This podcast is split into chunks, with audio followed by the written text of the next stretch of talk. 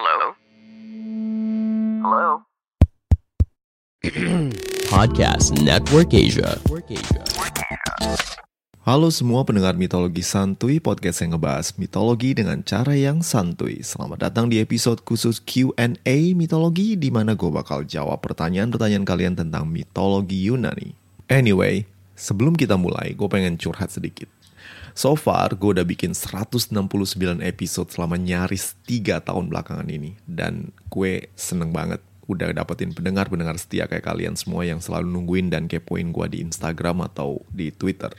Tapi di kemudian hari kayaknya gue bakalan lebih jarang posting karena beberapa alasan dan salah satu alasan utama adalah ekonomi. Gue akui gak gampang bikin episode-episode mitologi santuy karena gue mesti nulis skrip dan rekaman di sela-sela kerjaan dan waktu luang gue. Dan ini bener-bener menyita banyak banget waktu gue. Tentu saja gue nggak keberatan karena gue seneng banget bikin episode-episode ini. Tapi belakangan ini gue mulai um, kewalahan. Dan karena tuntutan ekonomi, gue mesti nyari kerjaan tambahan lain untuk bikin dapur keluarga ngebul. Tapi jangan khawatir. Dan, you know, don't be sad. Karena mitologi santuy masih akan update. Tapi mungkin gak sesering biasanya. Dan gue mohon pengertian kalian. Anyway, udah dah curhatnya. Kayaknya gue bikin mood gak bagus nih. Mari kita lanjutkan dengan episode berikutnya. Pertanyaan-pertanyaan kalian bakal gue jawab.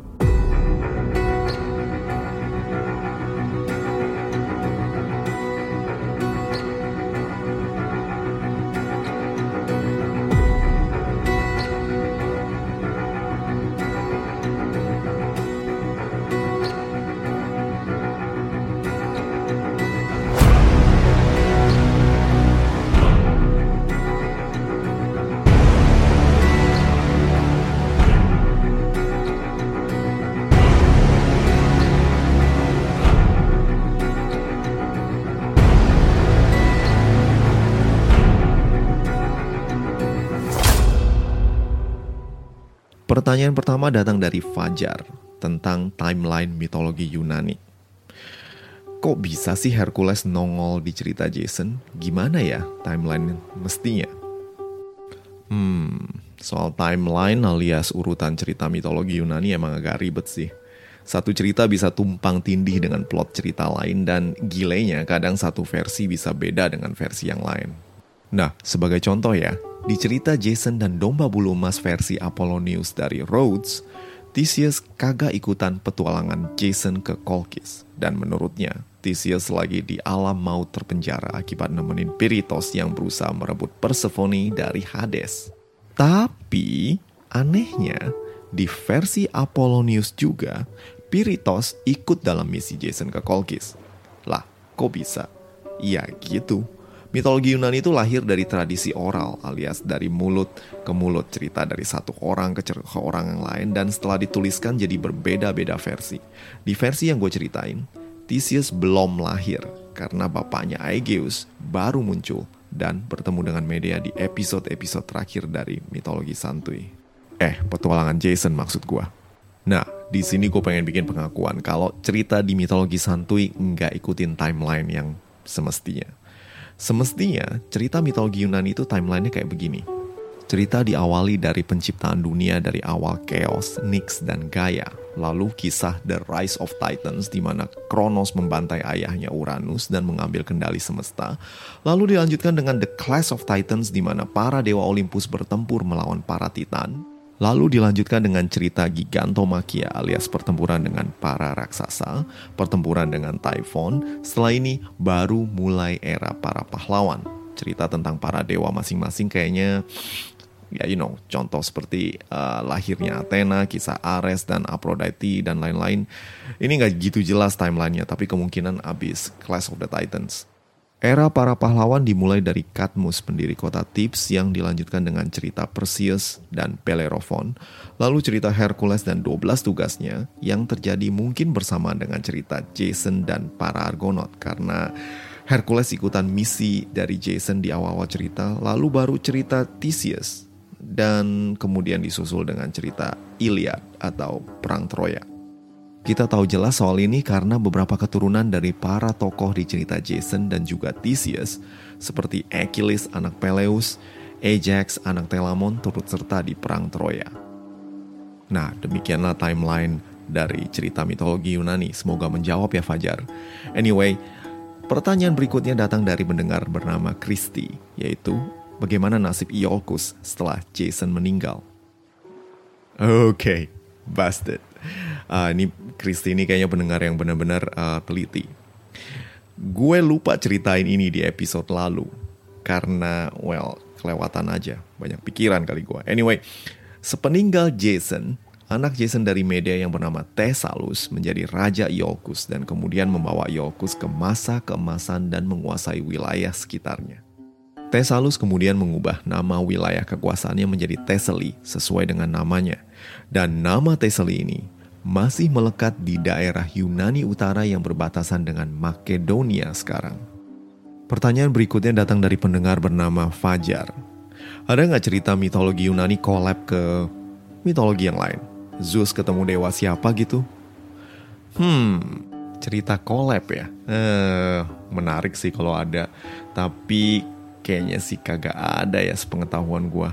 Yang paling deket mungkin ketika dewa-dewa Olympus kabur ke Mesir waktu diserbu sama Typhon. So, para dewa-dewi Olympus melarikan diri dalam bentuk binatang dan ketika sampai di Mesir, mereka disembah oleh orang-orang Mesir. Makanya dewa-dewi Mesir tampak seperti binatang, kayak Horus, Anubis, Set, dan lain-lain. Jadi orang Yunani kuno berusaha menjelaskan kalau dewa-dewa yang disembah oleh orang-orang Mesir itu sebenarnya adalah dewa-dewa orang Yunani alias para Olympians yang mengambil rupa binatang kemudian disembah oleh orang-orang Mesir. Tapi kayaknya sih ini bisa-bisaan orang Yunani aja mengingat kebudayaan Mesir itu sebenarnya jauh lebih tua daripada Yunani. So, ya, yeah, gak ada cerita collab antar mitologi kecuali hasil pop culture kayak uh, God of War atau Record of Ragnarok. Pertanyaan selanjutnya dari Paman Revin. Adakah dewa yang bernama Adamas? Gua lihat ini di Sumatsu no Valkyrie.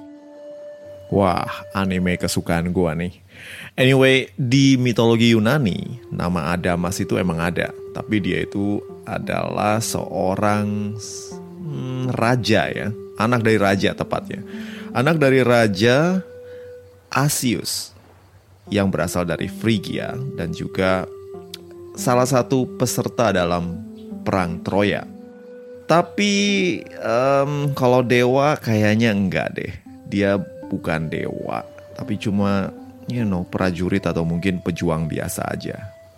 Di Record of Ragnarok atau Sumatsu no Valkyrie, Adamas adalah dewa Olympus ke-13 yang konon keberadaan atau catatan sejarahnya itu dihapus setelah dibantai oleh Poseidon. Tapi again ini adalah karya pop culture modern. Dalam keanggotaan 12 dewa Olympus, jumlahnya itu fix dan nggak mungkin ada penambahan lagi selain pergantian tepatnya.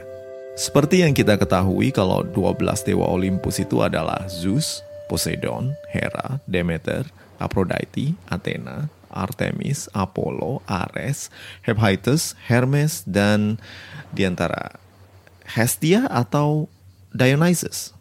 Ketika Dionysus diterima di Olympus, Hestia dengan penuh kerelaan memberikan tempatnya untuk Dionysus. Jadi nggak mungkin ada dewa ke-13. Kalaupun ada, mestinya itu jadi milik dari Hestia. Selanjutnya dari Bro Trananda bertanya, setelah Hercules jadi dewa, apa ada kisah-kisah seru berikutnya? Well, kisah-kisah seru kayak dia ngebantai monster atau makhluk lainnya kayaknya udah nggak ada. Tapi ada cerita menarik soal bagaimana dia di Olympus. Apparently ada satu versi cerita tentang bagaimana Hercules setelah dia meninggal.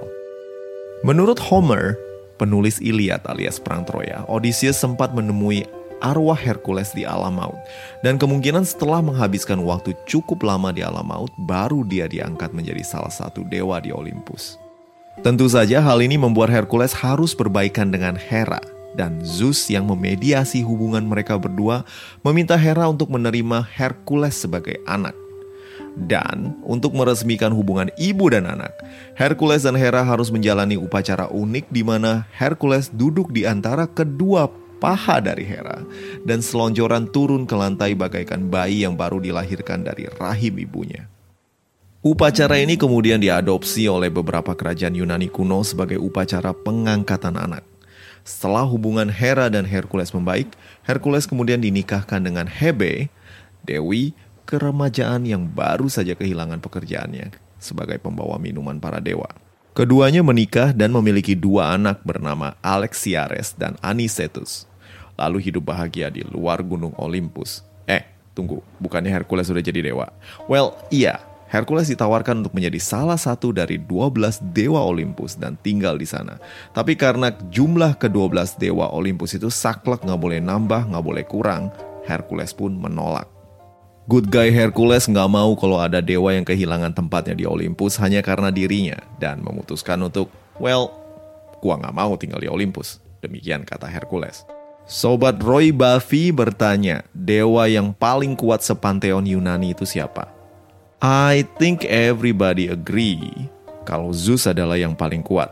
Tapi konon para dewa purba atau protogenoi sebelum Zeus lahir juga punya kekuatan yang luar biasa dan bahkan salah satu dari mereka membuat Zeus tak berani menyinggungnya. Siapa dia? Well, namanya adalah Nyx, sang kegelapan, dewi yang paling ditakuti oleh Zeus. Dewi ini begitu misterius dan tidak banyak disebutkan dalam mitologi Yunani. Ada satu cerita yang melibatkan sang dewi yang terjadi saat perang Troya. Dalam perang ini Hera berpihak pada para aliansi kerajaan Yunani pimpinan Agamemnon sedangkan Zeus berpihak pada pihak Troya. Hera ingin menimbulkan kekalahan pada Troya hingga ia mengakali Zeus dengan bantuan hipnos sang dewa tidur untuk membuat sang suami tertidur dan tidak bisa membela Troya. Ketika Zeus akhirnya bangun, Zeus marah besar dan mengejar hipnos untuk membunuhnya. Hipnos melarikan diri ke gua tempat tinggal dari Nyx dan Zeus berhenti mengejarnya. Zeus tak ingin mengusik Nyx dan kemudian pergi tanpa melanjutkan niatnya. Pertanyaan selanjutnya gue suka nih. Olimpian yang job desknya paling gak penting. Pertanyaan dari Yepskui. Nah kalau orang-orang Yunani kuno ditanya kayak gini, yang mana yang Olimpian yang job desknya paling gak penting, mereka akan bilang semuanya penting bro. Kenapa? Karena mereka nggak mau nyinggung satu dewa terus kena kutuk. Kalau lu nanya gue, ah, jawaban gue adalah semuanya penting bro. Kenapa? Karena gue nggak mau kena walk movement. Pertanyaan selanjutnya dari Kevin, ke mana para dewa Yunani berada? Apakah ada cerita musnahnya para dewa Yunani? Hmm, kayak Ragnarok gitu maksudnya ya. Di mitologi Yunani nggak ada kisah kiamat sih nggak ada cerita di mana para dewa bertempur habis-habisan dengan monster atau pihak kegelapan dan mati semua kayak mitologi Nordik. Peristiwa yang nyaris mengakibatkan kiamat ya pas penyerangan Typhon ke Olympus. Tapi dalam sejarah, para dewa dan dewi Yunani hilang dominasinya atau tak lagi disembah ketika agama baru yaitu kekristenan mulai mendominasi Yunani dan wilayah-wilayah yang tadinya didominasi oleh paganisme. Paganisme itu adalah penyembahan terhadap dewa-dewa dan daerah-daerah seperti Asia Minor, Eropa, dan lain-lain itu mulai memeluk agama Kristen dan meninggalkan penyembahan terhadap dewa-dewa ini. Ketika pihak berkuasa, dalam hal ini Kaisar Romawi beralih ke agama Kristen dan mulai melarang penyembahan kepada para dewa, pengaruh paganisme mulai menurun dan akhirnya terlupakan. Kuil-kuilnya beralih fungsi menjadi gereja atau mungkin dikanibal untuk membuat bangunan yang lain. Walaupun demikian, bangsa Eropa nggak serta-merta langsung lupa tentang masa lalu mereka. Mereka masih membaca cerita-cerita Yunani klasik atau membuat patung para dewa untuk dinikmati, tapi bukan disembah lagi. Jadi kayak macam ah, karya seni gitulah. Selanjutnya dari Drunken Master, ceritain tentang Cerberus. Cerberus si anjing kepala tiga penjaga neraka pernah gue ceritain di episode Scary Monsters. So maybe you should listen to that episode. It's nice. Hmm, banyak monster-monster lain yang gue ceritain juga. Oke? Okay? Selanjutnya dari ATND, saat Typhon menyerang banyak dewa Yunani yang pergi ke Mesir dan apakah ada ceritanya? Cerita tentang penyerangan Typhon udah pernah gue bahas di beberapa episode Mitologia Horoskop dan Gigantomaki. So, please check it out juga ya. Bukannya apa gue udah jelasin dan udah gue ceritain dan gue kepengen naikin rating. Anyway, so check out those episodes, oke? Okay? Pertanyaan terakhir dari Gurfan. Is it true that during the Titans versus Olympian gods, Athena sneaks to make love with Hera? Um, no. Athena, Hestia, dan Artemis adalah ketiga dewi yang tidak bisa dipengaruhi oleh Aphrodite. Dan mereka nggak tertarik sama sekali dengan urusan cinta atau nafsu birahi. Sumber Yunani kuno jarang sekali menyebutkan tentang cinta sesama jenis antara wanita dan rasanya nggak ada sumber cerita tentang Athena dan Hera. Athena sneaks to make love to Hera ini mungkin adalah pengembangan cerita dari perspektif modern yang mulai mengekspos hubungan sesama jenis. Oke, udah dulu ya untuk sesi Q&A kali ini. Buat kalian yang belum dijawab pertanyaannya, maaf banget karena waktunya terbatas dan kalian juga boleh ikutan di sesi Q&A yang lain. Sampai jumpa di episode berikutnya. Dan buat kalian yang kepengen dukung podcast ini, silahkan, silahkan, silahkan pakai banget kunjungi laman traktir mitologi santuy yang tersedia di deskripsi episode. Anyway, that's it. See you and ciao.